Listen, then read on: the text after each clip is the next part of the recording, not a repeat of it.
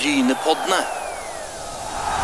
Hjertelig, hjertelig velkommen til Brynepoddene. Og eh, mitt navn er Øystein Nygaard. Og litt seinere i denne podkasten kommer òg Asgeir Ueland innom en tur, og for vi skal ta en god prat med Vidar Davidsen. Men først så har jeg lyst til å gå litt gjennom um, Post Nordligaen, for der er det i, i uh, avdeling to Levanger som leder. Og det har jeg jo for så vidt sagt har opp for lenge siden. Leder med 54 poeng, og Tromsdalen er der nå på andreplass med 45 uh, poeng. Det er ikke så mange kamper igjen der, så det skal bli løye å se om eh, Tromsdalen har sjanse i kvalik, for Levanger de rykker opp der. I den andre avdelinga, det er ikke så helt ueffent med tanke på lokale Eigersund. De uh, måtte riktignok ta seg til takke med 2-2 hjemme mot Grorud, og Lyn vant og er tilbake vel sånn sett på tabelltopp. De har riktignok en hengekamp, men Eigersund leder med 20 kamper, 46 poeng. Lyn 19 kamper og 45 poeng der, så der knives det fortsatt mellom eh, Tu og Halvorsen. I Obos-ligaen så skjer det jo òg saker og ting, og vi kan nevne bl.a. at uh, de sliter litt i, mer i Kongsvinger nå, for nå er det Fredrikstad som leder med 24 kamper, 51 poeng. Koffa på andreplass med 24 kamper og 40 fire poeng. Og Kongsvinger ramla ned på en tredjeplass med 24 kamper og 43 poeng. Og både Bryne og Sandnes Ulf kan vel si er greie greie klart seg, greit nok. Niendeplass på Bryne og ellevteplass på Sandnes Ulf. Sandnes Ulf har riktignok en hengekamp, har 30 poeng og kan komme opp i 33. for Da vil de passere Bryne, som har 32. Vi må vel òg gå innom litt i Eliteserien, der Viking fortsetter å imponere voldsomt. Det slo Sandefjord 4-3 på heimebane. Nå blir det tøffere bortekamper for Viking. Hvis jeg klarte å se så på de fem, fem, neste kampene, så er det fire bortekamper. Så det blir tøft for Viking, og de har Bodø-Glimt hakk i hæl med 49 poeng. 22 kamper, og Viking har 22 kamper og 51 poeng. Og i bånn der så sliter FKH ganske betraktelig på 14.-plass med 23 kamper 21 poeng, og, og laget rett unna så er Stabæk 17 kamper. Nei, unnskyld, 17 poeng og 21 kamper, to hengekamper der, så de kan faktisk ligge på direkte nedrykk FKH nå hvis Stabæk skulle vinne. Men det er langt fram der. Det var bare en kjapp liten gjennomgang der. Og um, husk at du hører på. Du hører nå på Brynepoddene. En uavhengig og litt dypere podkast som gir deg lyden av ekte sport. Vi har studio på Bryne, og herifra sender vi deg motstemmen til den overflatiske og klikkorienterte sportsjournalistikken. Det gjør vi så vel, og jeg lovte at Asgeir Uland kom innom studio. Det gjør han. Jeg vil bare nevne at vi skal i gang med en litt artig sak. På innsida heter den, og da kan vi kjøre denne. På innsida blir presentert i samarbeid med Dalane Energi. Hvis du lurer på hva det er, så er det det at vi skal komme på innsida på en utøver, en trener, en dommer etc. Der vi skal ha på mikrofon gjennom en hel kamp slash konkurranse. Så det skal bli spennende. Det kommer snart på Brynepoddene, så bare stay tuned. Husk å følge oss i sosiale medier. Det er viktig. Facebook, Instagram, X, YouTube blant annet, og kom gjerne med tips og eh, råd eh, underveis. Men vi lovte Vidar Davidsen i denne Brynepodden, og her kommer han.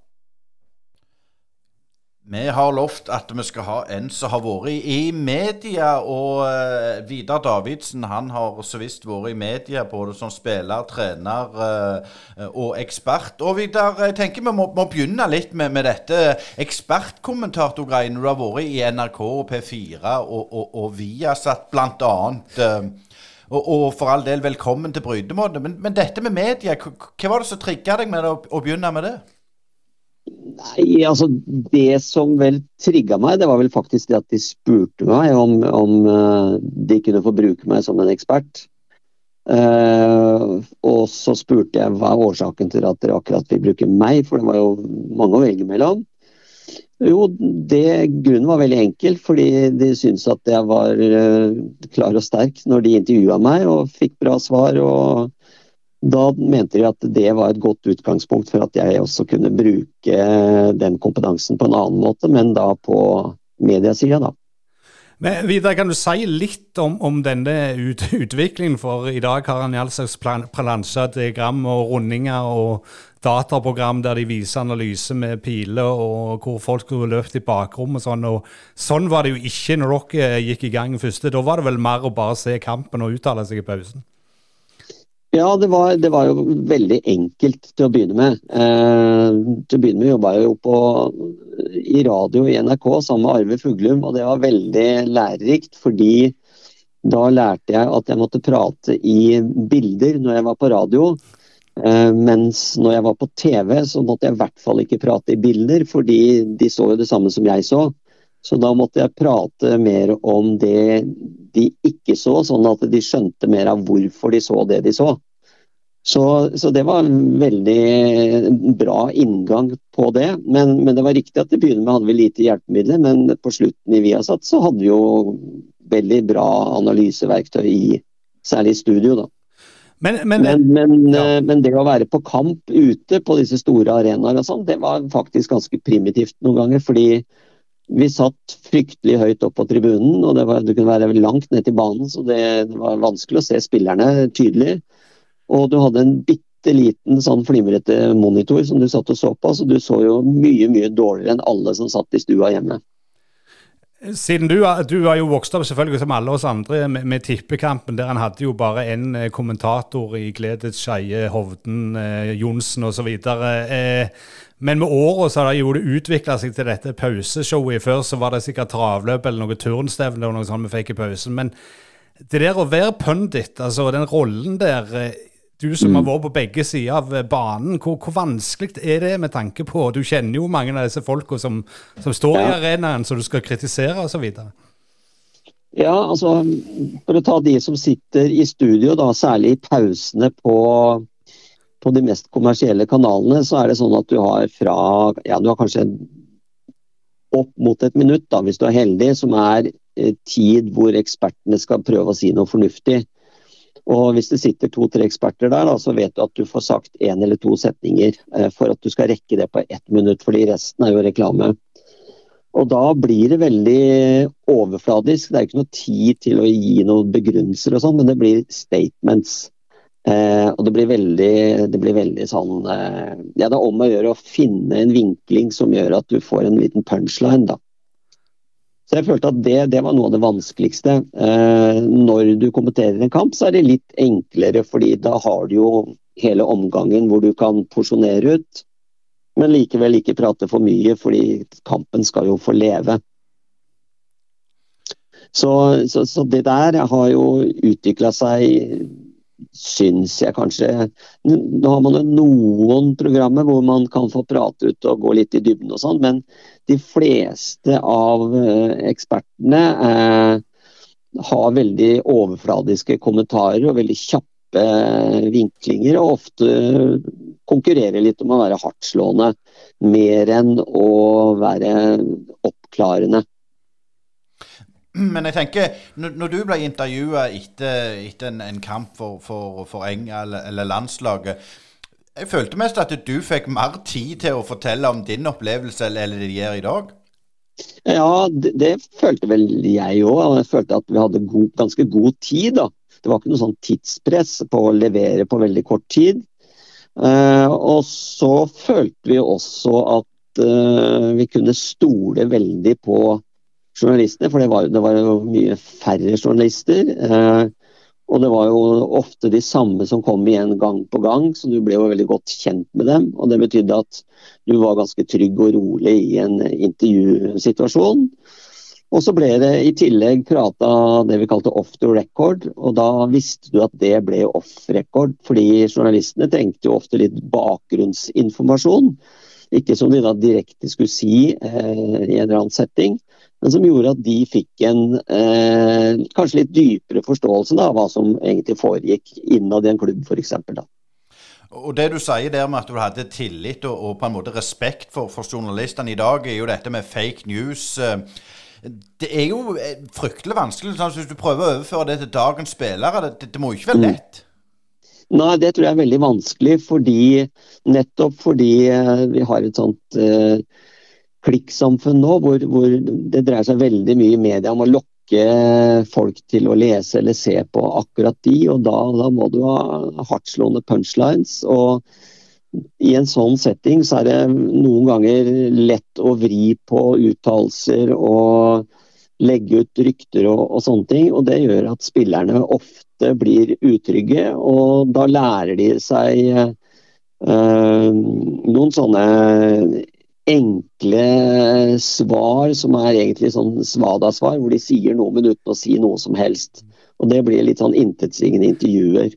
Og det syns jeg man særlig ser når man øh, ja, ser intervjuer fra Premier League og sånne ting, eh, hvor spillerne egentlig ikke sier noen ting. Og sier de noe, så sier de det på sin egen uh, lille sosiale medieplattform. Det er liksom blitt mer og mer vanlig.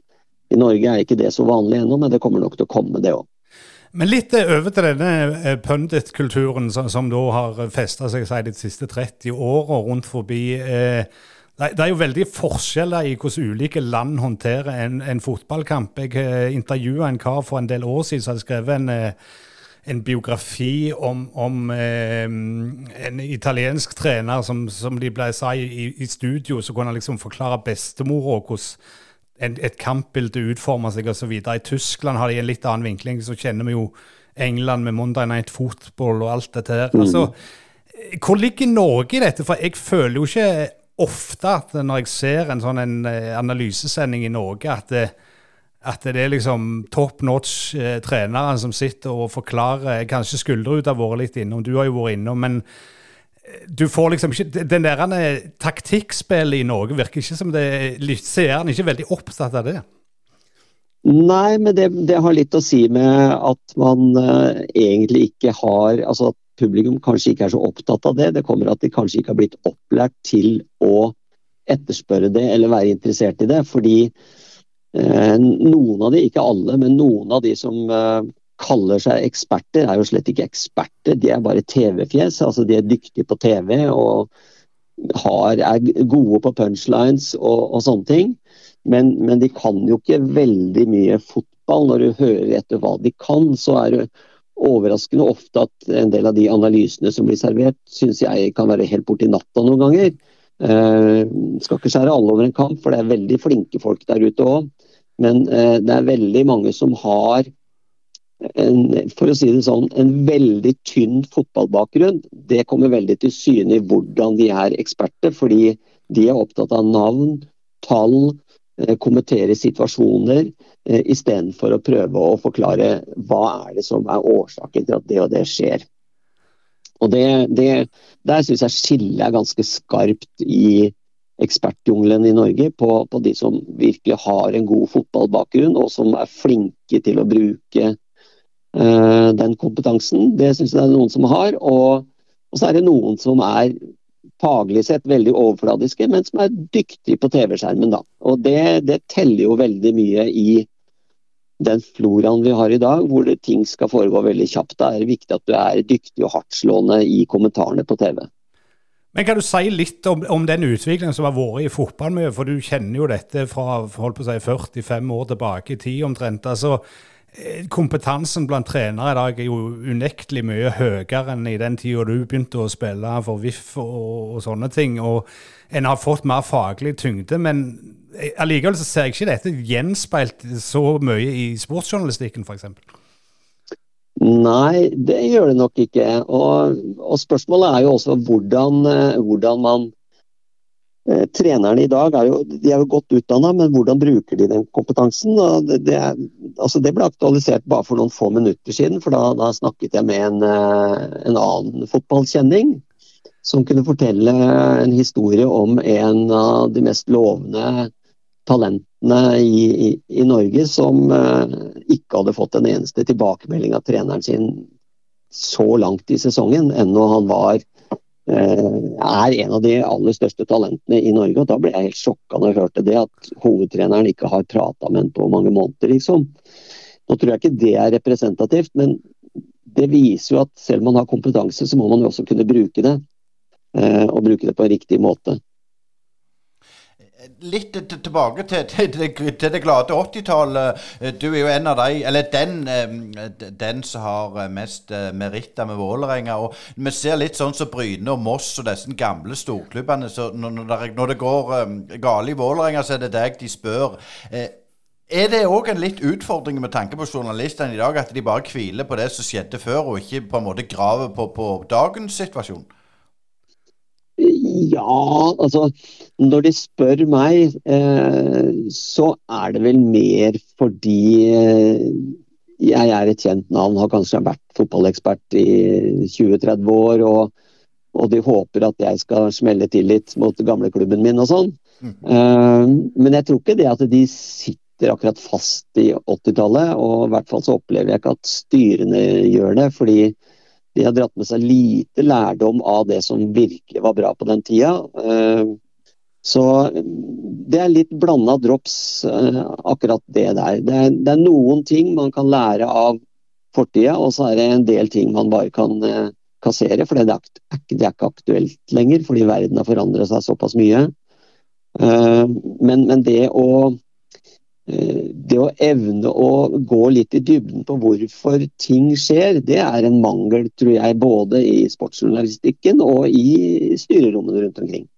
Men da, da, vil jeg følge opp litt eh, på, på, det. Eh, altså På 80-tallet er dere jo en, en dominerende kraft, iallfall i første halvdel i, i Vålerenga. Tre seriemesterskap eh, på fire år, var det vel, og, og kuppen vant dere vel òg etter hvert. og, og hva var det som gjorde at uh, Vålerenga og Oslo-fotballen på den tida Jeg tror jo dere hadde vel tre lag nesten i det som i dag er Tippeligaen på den tida. Altså, I dag så er det jo store mysterier i Norge hvorfor hovedstaden ikke dominerer fotball-Norge med så mye folk.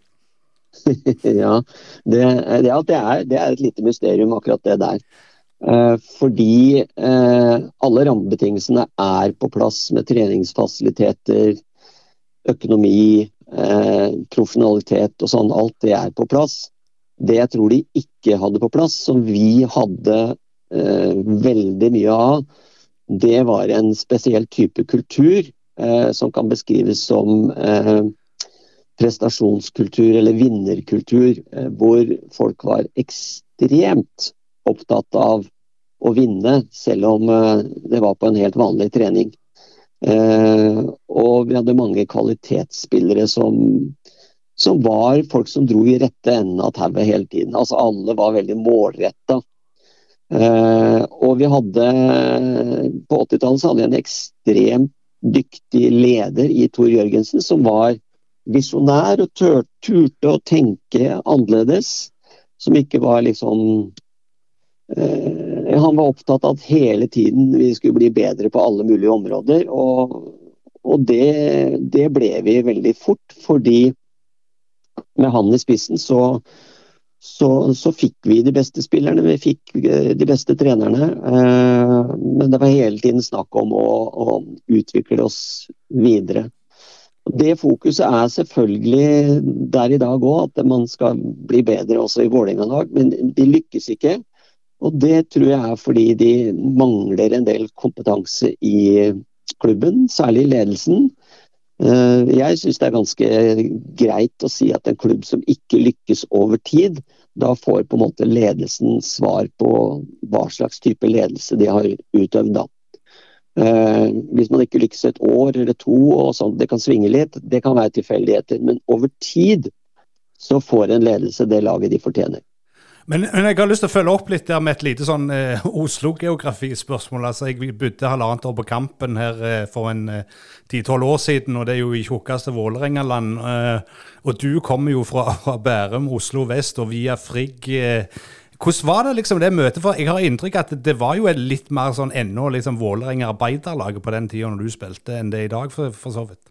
Ja, det var det nok. Eh, jeg kom jo, Selv om jeg kom fra Bærum, så kom jeg fra et typisk sånn eh, arbeiderstrøk. Eh, det er, ikke, det er ikke bare milliardærer som bor i Bærum. Men, men overgangen til Frigg var sånn Det var et typisk studentmiljø med studenter fra hele Norge som havna i Frigg fordi det var i nærheten av Blindern. Så enkelt var det. Vålerenga var, var, jo da et lag som var, hadde litt av den gamle, litt sånn rampete bohemkulturen fortsatt i seg. Og så var det begynt å komme I hvert fall begynte det med det året jeg kom til Vålerenga. Da kom det veldig mange Eh, bevisste, fremadstormende unge spillere, og også noen etablerte, som virkelig ville være med på å skape noe i Vålerenga. Jeg husker Tor Jørgensen solgte inn Vålerenga til meg som eh, en snøball som ville begynne å rulle, og den ville begynne å rulle og bli svær ganske fort hvis vi først fikk dytta den i gang. Eh, og han lagde et bilde ut av det som gjorde at jeg trodde på han, og mange andre trodde på han. Og det, det fikk vi til. Eh, og, men Vålerenga var, var, da akkurat da i en brytningstid mellom den gamle bohemkulturen og en ny, veldig bevisst fotballkultur som kulminerte med at vi fikk Gunne Bengtsson fra Sverige. Og da, da var det var ikke noe tvil, vi var det desidert mest profesjonelle laget i Norge. Og den overgangen der skjedde jo i løpet av bare et par år. Så, så, det var en veldig brytningstid. Eh, men jeg følte at med en gang jeg satte foten min inn i Vålerenga, så var jeg velkommen. Eh, vi hadde enestående supportere, eh, og spilte jo da på Bislett den gangen. Og det var eh, Du følte den varmen eh, med en gang. Og jeg hadde jo drømt om å spille med Vålerenga siden jeg var 11-12 år. For da ble jeg tatt med på Bislett en gang og, så min første Vålerenga-kamp. Og da da ble jeg forelska med en gang. Ikke i laget ute på banen, men i publikum. For jeg syns de var så kule og morsomme og ja, småfrekke i kjeften. Og, og, da tenkte jeg det må jo være utrolig gøy å kunne spille for et sånt publikum en eller annen dag. Og det skjedde jo da eh, åtte-ni år seinere, da. Så det var liksom en, en, liten guttedrøm som jeg fikk oppfylt der da. Det husker jeg når Tor Jørgensen ringte meg. Så tenkte jeg den telefonen har jeg venta på lenge.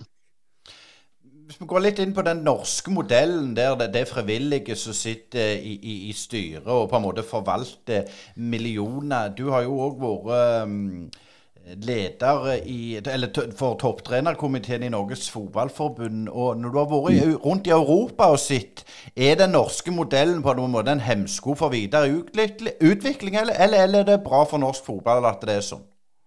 Ja, så, Sånn som norsk fotball er drevet i dag, så trenger vi både frivillighet og profesjonalitet. Eh, breddefotballen i Norge er jo helt avhengig av eh, frivillighet, og der er det et kjempepluss for Norge at vi har så mange som engasjerer oss, eh, seg i den. Når vi kommer på elitenivå, så er det noen ganger at eh, som du antyder, så, så, stusser jeg litt over sammensetningen i en del styrerom. Altså Administrasjonene har blitt mer profesjonelle, og det er veldig bra. Eh, men i styrerommene så er det en ser du ofte en, en, sammensetning hvor det sitter folk som er dyktige på sine områder, eh, men ikke nødvendigvis dyktige på å eh, forstå hva en fotballklubb egentlig er, og hva en elitefotballklubb egentlig dreier seg om. Eh, og De har problemer med å forstå de mekanismene som, som foregår, og derfor tror jeg også at en del klubber bommer så ofte som de gjør når de skal ansette en ny trener, fordi det er veldig mye tilfeldigheter som preger de prosessene.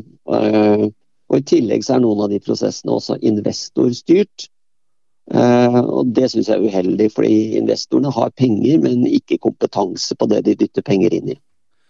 Det har jo blitt eh, hevda, iallfall her i lokalt hold, at mange av disse som du nevner der, de har litt, blitt litt fartsblinde pga. at en en får jo så masse fotball inn i nå i kontra tidligere, når du så kanskje en, en, en tippeligakamp på lørdagen, og de kampene dere spilte, ble jo som regel bare oppsummert på Sportsrevyen på kvelden i løpet av noen minutter. Men mens i dag så ser en jo eh, Barcelona i all sin prakt. Du, du hadde jo RBK selvfølgelig på 90-tallet i all sin prakt, og, og drømmen om Champions League. Og så har det jo fått en effekt at mange tror at de kan bare hive masse penger inn i en klubb, og så to år seinere så står de på San Siro. Men det er få som deg som vet at det ikke er tilfellet. Men er det òg en utfordring at det, en lar seg blende av det en ser på fjernsyn, så tror en at det, Hakkadal IL kan, kan være Champions League om ti år hvis de bare spytter inn 40 millioner? Ja, det, det, er mange som har den fascinasjonen at det bare er et spørsmål om penger. Uh, og da, man, da, da, da, er man jo ute å kjøre før man har begynt på prosessen, egentlig. Uh, for det er kompetanse som er viktigst. Kompetanse i forhold til hvordan er det smart å bruke de pengene som kommer på bordet. Uh, og Det er den kombinasjonen der, å ha tilgjengelige midler og ha den riktige kompetansen, som er utfordrende for de fleste klubber. Noen er flinke med det, andre er åpenbart ikke flinke med den kombinasjonen. Så, uh, så, så uh, det, det, er ingen lett kombinasjon, men, men det, det, betinger at du har i klubbene så må du ha fotballkompetente folk i et styre som kan på en måte oversette litt da, hva som skjer eh, og hva konsekvensene er hvis man bruker penger på den måten istedenfor på den måten. Og Det gjelder særlig i forbindelse med nyansettelser av og, trenere. så Når en får sparken, så skal man ansette nye. Så ser man veldig ofte at det dukker opp noen kandidater som er helt forskjellige. Både i personlighet, i eh, fotballfilosofi og så ansetter man kanskje fordi man føler man trenger noe annet enn det man hadde. Så ansetter man en trener som da må skifte ut halve stallen, og det koster jo fryktelig mye penger. Istedenfor å tenke kontinuitet og utvikle det man allerede har, selv om det kanskje ikke har fungert så godt med den forrige treneren. Men tror du, jeg, må, jeg, må, jeg, må, bare avbryte det der. for Tror du det har noe med at de som gjør den prosessen, at de vil på en måte få fred fra media, at nå har vi gjort noe helt annet? Eller er det bare inkompetanse som gjør det? Nei, det er, det er en blanding. Altså, det, er, det, er, mange kompetente folk i styrene som, som kan økonomi, og som kan eh, marked, som kan mange sånne ting. Men, men, de mangler en grunnleggende forståelse av eh, hvordan man bygger et fotballag, og at det krever kontinuitet både på ledelse, på administrasjon, Eh, og på det sportslige apparatet og i spillerstallen, og ikke minst i den strategien klubben har valgt i forhold til kanskje en spesiell spillerstil, eller hvordan man skal rekruttere spillere. Og Veldig ofte så ser man jo at klubben bryter sine Det de sa i fjor, det bryter de veldig fort hvis det går litt dårlig. Og Da er det sånn veldig ofte at når presset er på spillerne fra media, og når presset er på treneren fra media, så går det bra i det øyeblikket det presset flyttes fra de aktørene som er vant til å håndtere press, over på styret, da er det fare på ferde. Da går det ikke mange ukene før treneren ryker ut, for da skal et styre vise at de er handlekraftige. Og der er jo masse forskning som viser at det å bytte trener ikke nødvendigvis er noe suksessformel. Poenget er hva, hva, du skal bytte til, og hvorfor du skal bytte. Og Har man ikke gode grunner der, utenom at resultatene er dårlige, så, så kan det ofte gå ordentlig gærent. Fordi man må jo her også klare å se under altså, kampresultatene og se på årsaken til at det går dårlig. Og da er ikke alltid at svaret er å hente inn en helt annen type trenertype enn det man eh, hadde, men kanskje en som kan videreutvikle det som man hadde begynt å bygge på, men som man ikke gjorde godt nok. da. Vi, vi snakket med, med Dag Oppjordsmoen her for et par uker siden, når han snakket om denne trikanten sin, og bl.a. dette med det viktigheten i denne fortellingen, eller narrativet, som en sier på fint. Eh, mm. Der er jo et, et narrativ rundt uh, Vålerenga òg, og et av de var jo f.eks. det at de skulle satse på litt yngre, og så sier du så trykker noen på panikknappen når det ikke går helt etter planen. Men sånn generelt, når du har sett rundt i klubbene i, i, Norges land, altså det er veldig fort å hive den der eh, narrativen ut vinduet hvis du ikke vinner, hvis du taper fire kamper på rad. og Da står du ikke eh, last og brast med, med den retningen du har malt opp. Nei, og det, det, er akkurat det jeg mener med at da, da sitter det for lite eh, fotballkompetanse i kraft av folk som faktisk har vært med på å prestere og bygge en vinnerkultur før. det sitter for få sånne i fotballstyrene rundt omkring i, i klubbene, som da kan ha litt is i magen og si at vi, vi forlater ikke strategien. Vålerenga f.eks. har jo hatt denne strategien med å hente opp unge spillere. Hatt stor suksess med det, men når det går dårlig, så skylder de på de unge spillerne. Og Ser man på hvem som har prestert og ikke prestert i Vålerenga de siste årene, så er det de unge spillerne som har levert. De som ikke har levert, det er de eldre, etablerte spillerne. Og det er nyinnkjøp som eh, gjerne er i moden alder, som heller ikke leverer det de skal levere. Og, og da blir jo svaret fra styret vi, vi må ha en annen trener og vi må ha flere etablerte spillere. Og så bommer man igjen på det. Istedenfor å være tro mot konseptet sitt. Fordi før eller seinere så kommer de til å lykkes med det.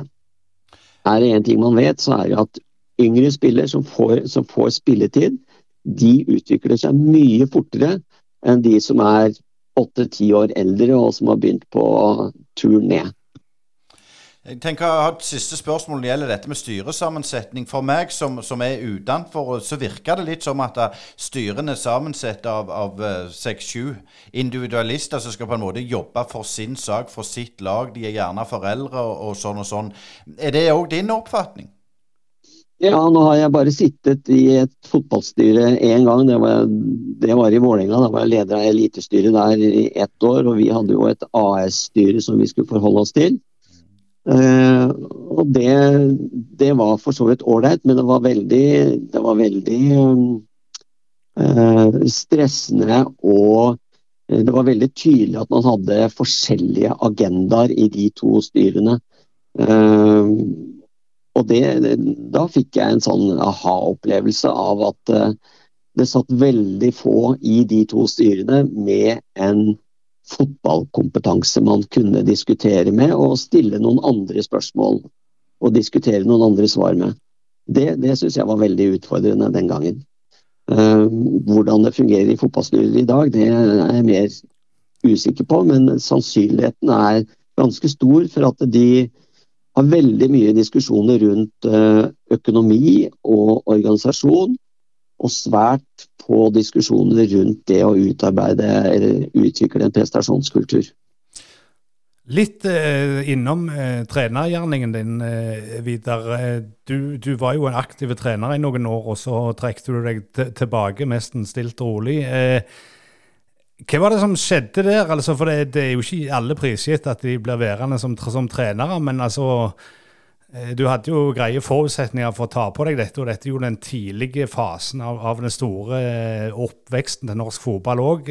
Mm -hmm. I ettertid har du tenkt at du burde stått litt lenger i det, eller er du fornøyd med det valget du tok den? Nei, altså jeg følte vel at det var et naturlig valg når jeg tok det den gangen. Eh, at jeg trakk meg stille og rolig ut. Eh, men sånn eh, det, det, våkner jo en liten trener i meg hver vår når jeg ser kampene sparkes i gang og jeg ser at det, det byttes trenere her og der, så kjenner jeg jo at jeg har en trener i magen ennå. Samtidig så har jeg vent meg til det å ha fri i helgene. Det er slett ikke så verst liv, det heller. Eh, men, men, det å være trener, jeg, jeg syns det var utrolig morsomt. Det er den morsomste jobben jeg har hatt noen gang. Uh, bare én ting som er morsommere, og det er å være spiller. Uh, men det er klart, alt, alt i sin tid. Uh, jeg følte vel at det var viktig da at nå, nå var det familien sin tur. Pluss at jeg hadde gått litt Kanskje gått litt tom, fordi jeg var veldig nær på å komme meg ut av landet. Det hadde jeg veldig lyst til, og jeg var veldig nære på både i Frankrike og i, i Belgia. Og jeg var veldig nære på i Sverige. Men når det ikke gikk, så følte jeg at da, da var jeg litt tom, og da trengte jeg en pause. Og da, da ble plutselig den pausen til noe som jeg syntes var helt ålreit. Men jeg var jo trener i 16 år, har en, har en bra rekord. Jeg rykka opp med mange klubber. Skapte resultatforbedring faktisk i 13 av 16 år. Så jeg har en bra CV. Men det er et eller annet med det at når du kommer til et punkt, så finner du ut at uh, nei, nok er nok. Uh, og da når du først får smaken på det andre livet, så er det ganske behagelig.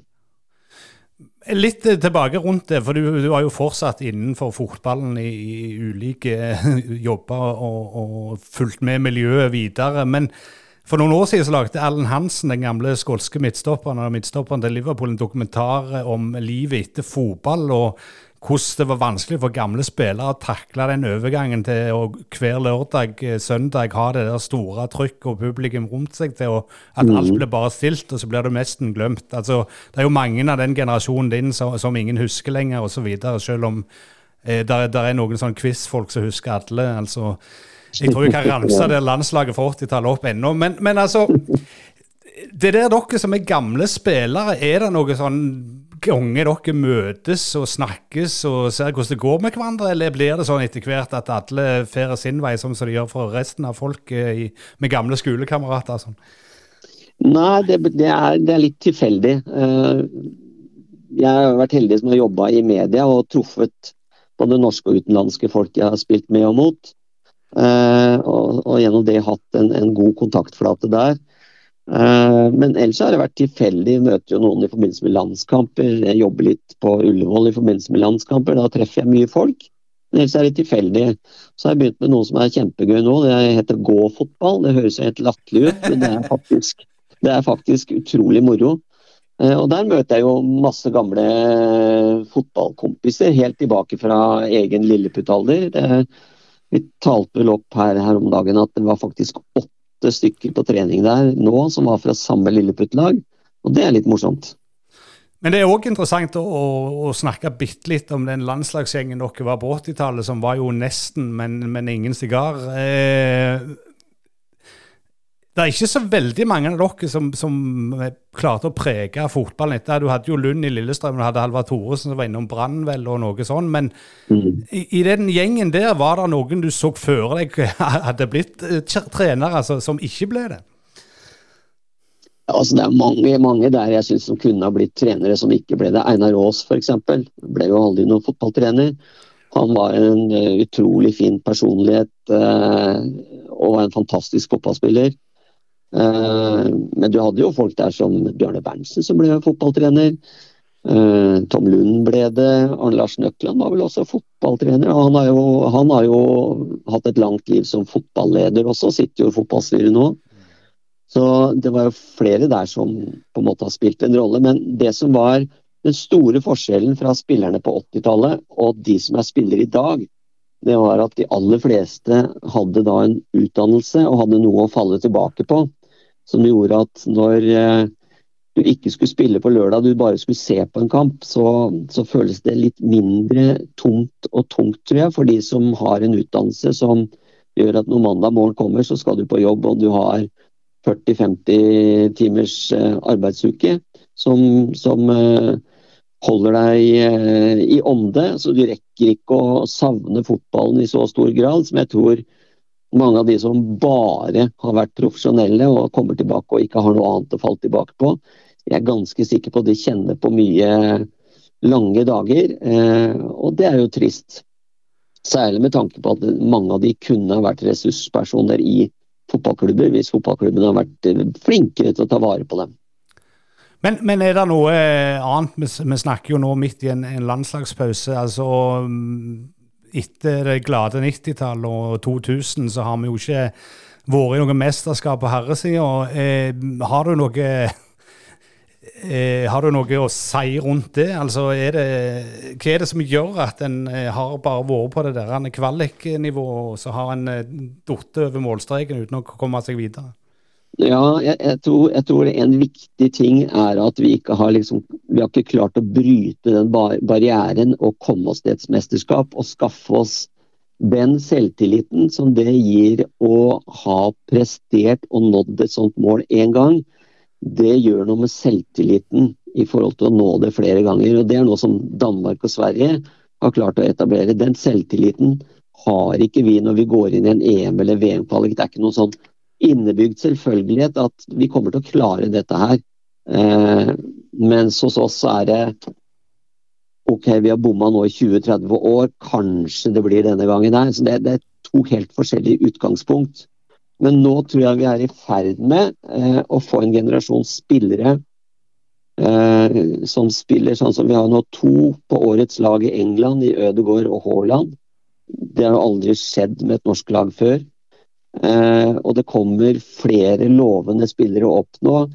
Det som jeg syns mangler litt med det landslaget som vi har nå, det er at en del av de potensielle nøkkelspillerne i det laget eh, ikke spiller fast nok på de klubbene de er i. og Derfor så blir det veldig stort sprik eh, i prestasjonene i den gruppa. Du har folk som er i verdensklasse, og så er det folk som da er på reservebenkklasse ute i Europa. Og er du på reservebenkklasse, så hjelper ikke at potensialet er stort når du ikke får spille kamper.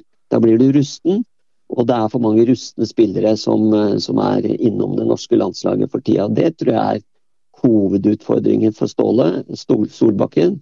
At uh, han mangler en stamme som spiller fast hele tida.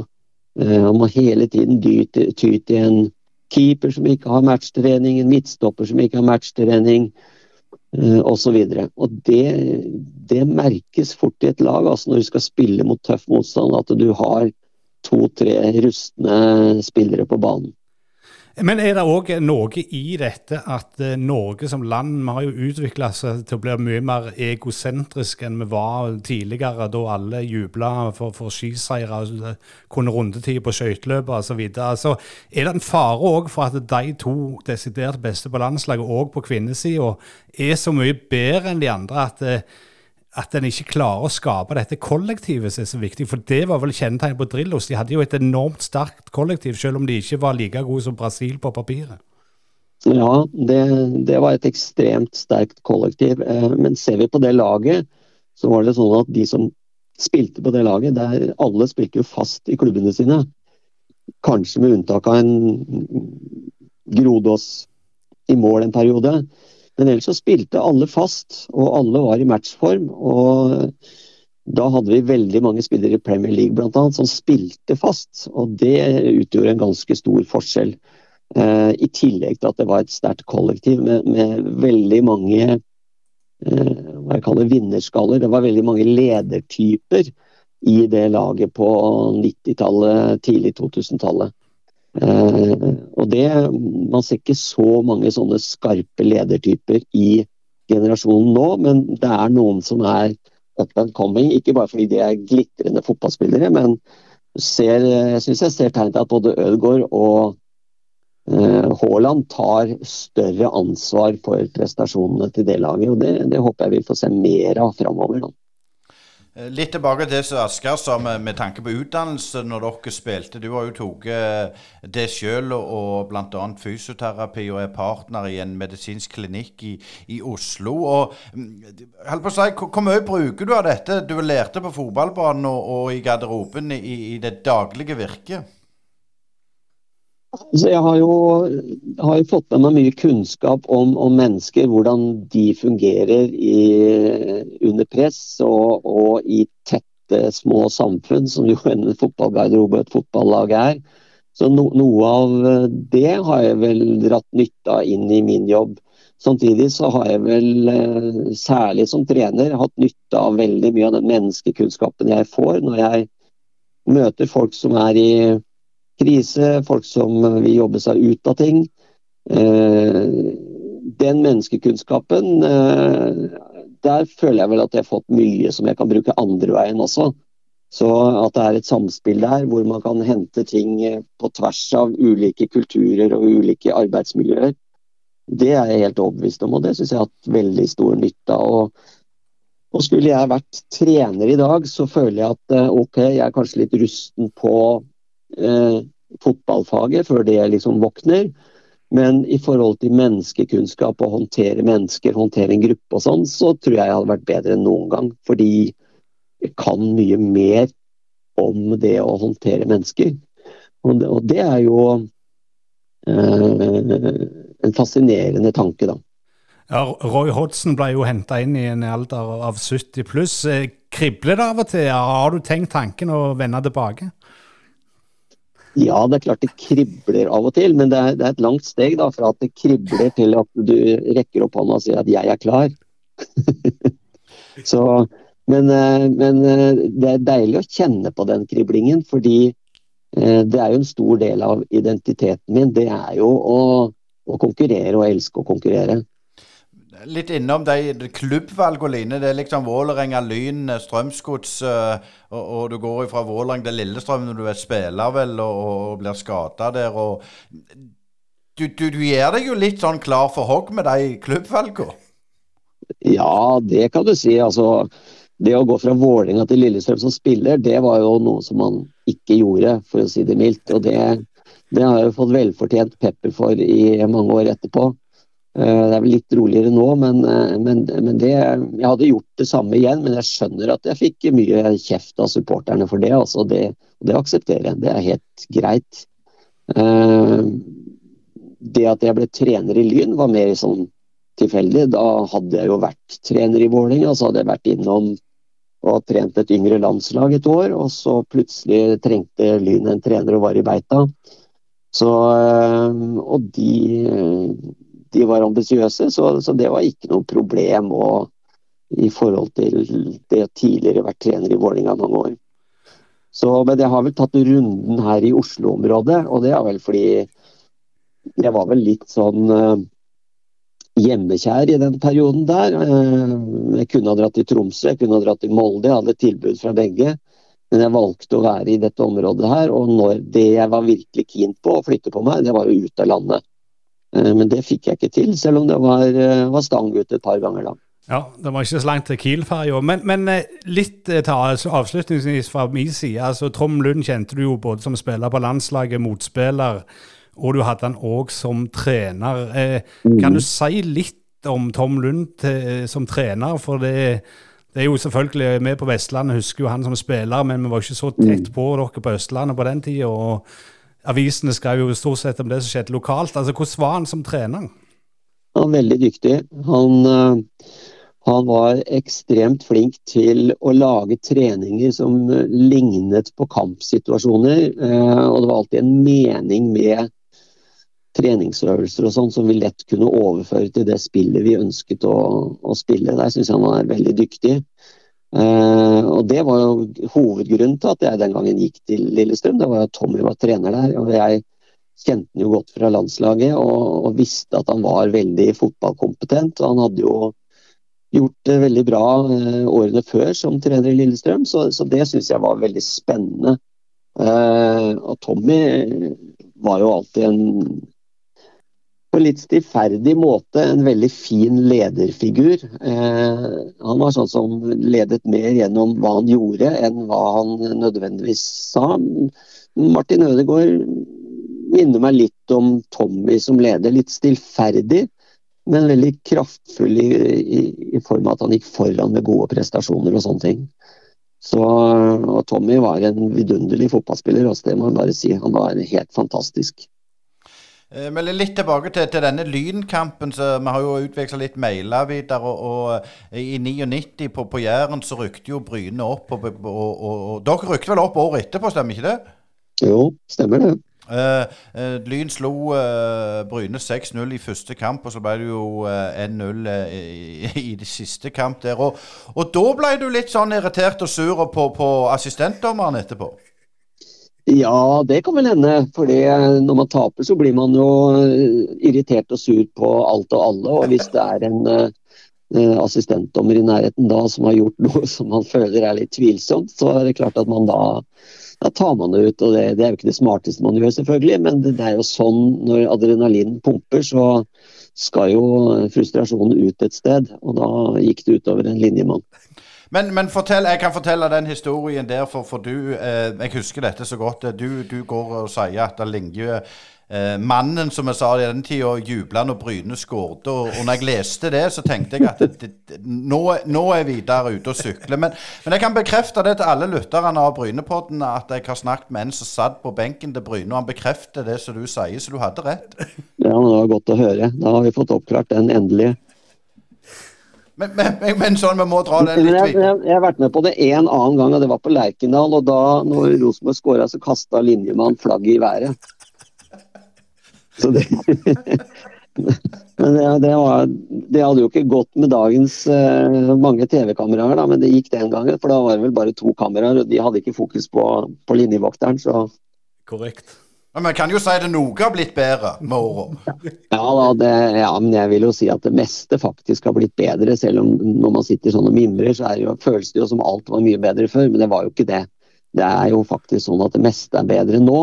Men så er det noen knepp da, som man kan ta fram fra gamle dager, hvor det fortsatt er ting å lære. og det eh, det å være historieløs det betyr ofte at du mister mye kunnskap som kan være nyttig selv i dag. Eh, noen få serierunder før slutt, altså ti runder ca. før slutt. Eh, Vålerenga ligger nedi der. De spilte uavgjort mot Viking nylig, eh, som var en sterk prestasjon. Eh, tror du gamleklubben klarer å holde seg? Ja, jeg tror det. Fordi de har en, en svak stigende formkurve, og de har begynt å raske med seg poeng, selv om seierne uteblir. Eh, så har de begynt å raske med seg poeng i den type kamper som de tidligere i år tapte.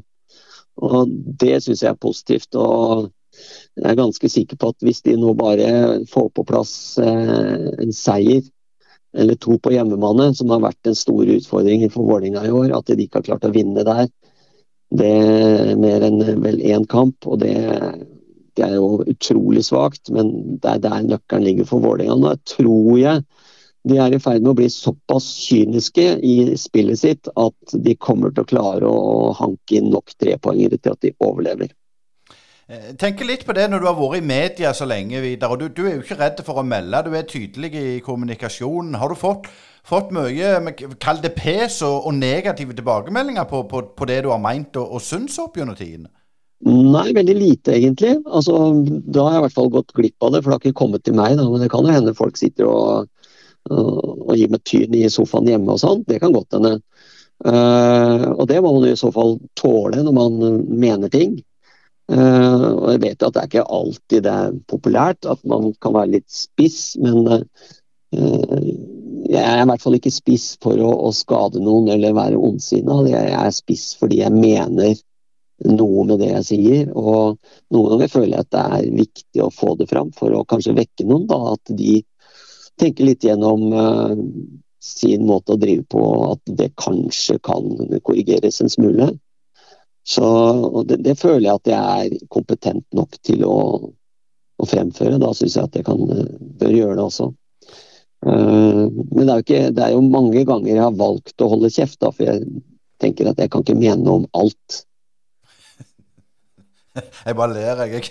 Jeg kjenner meg litt igjen i det. Men, men sånn som så Jan Halvor Halvorsen, han trener jo lyd når det er på full fart mot Obos-ligaen. Nå vet jeg at de har fått mye midler, så, så, mange sier at det skulle bare mangle. Men allikevel, det er jo imponerende det, de, det han gjør med Lyn.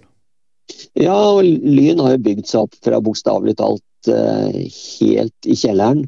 Men de har tatt den, den lange, langsomme men også litt trygge veien da, med å bygge stein for stein. Eh, og, og, de har en helt annen filosofi nå, når de liksom begynner å nærme seg at de ikke nødvendigvis skal uh, gå ut med smoking som de gjorde i gamle dager, men uh, at det er, det er, litt mer substans i bånn her. Men jeg må jo si at det også var en utrolig morsom reise å komme inn i Lyn. og oppdage at uh, investorene var på vei ut, og så ut og banke på dører og ende opp hos Atle Brynstad og få med han på det eventyret som vi hadde. Det var helt fantastisk. Det er gode minner det, Vidar Davidsen. Men jeg tenker, Asker spurte om du har en trener i magen igjen. Du kribler litt. Men kribler det òg litt å komme tilbake til, til media? For jeg, jeg, mener jo at de, media trenger jo en, en fagmann som deg. For um, hvis vi kan si det sånn, det er mye rør der ute. ja, men du vet det, det, ja, det, det, det er både òg. Det kommer an på de rollene uh, disse som, uh, som er, får ekspertjobbene i media, skal ha. Uh, Jeg kunne f.eks. aldri tatt på meg en sånn ekspertjobb hvor jeg skal være en sånn spissformulerende brumlebass som skal skape klikk. Det hadde ikke jeg passa som i det hele tatt. Eh, hvis jeg skal tilbake i en rolle der, så må det være fordi jeg har meninger som er verdt å, å lytte til, fordi det har, det har substans uh, utover det å skape klikk. Uh, og Da hadde jeg vært kjempeinteressert i å gått inn i en sånn rolle. Men ikke for å være en sånn klikkskaper gjennom å ha masse one-liners som, som, skaper litt oppstyr, men som egentlig har lite innhold. Det, det er ikke meg. Jeg får være spiss når jeg mener at det er noe å være spiss på, ikke spiss bare for å være spiss.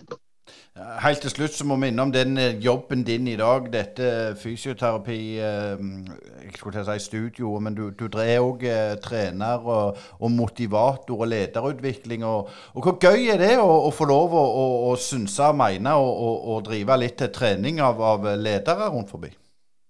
Jo, det er, det er, utrolig morsomt og utrolig givende, og, men veldig annerledes. Eh, det er en del likhetstrekk mellom å drive utvikling i et fotballmiljø og det å drive utvikling i en bedrift. Samtidig så er det veldig forskjellig fordi eh, reglene er eh, veldig forskjellige, tempoet er veldig forskjellig, eh, adrenalinkickene er veldig forskjellige.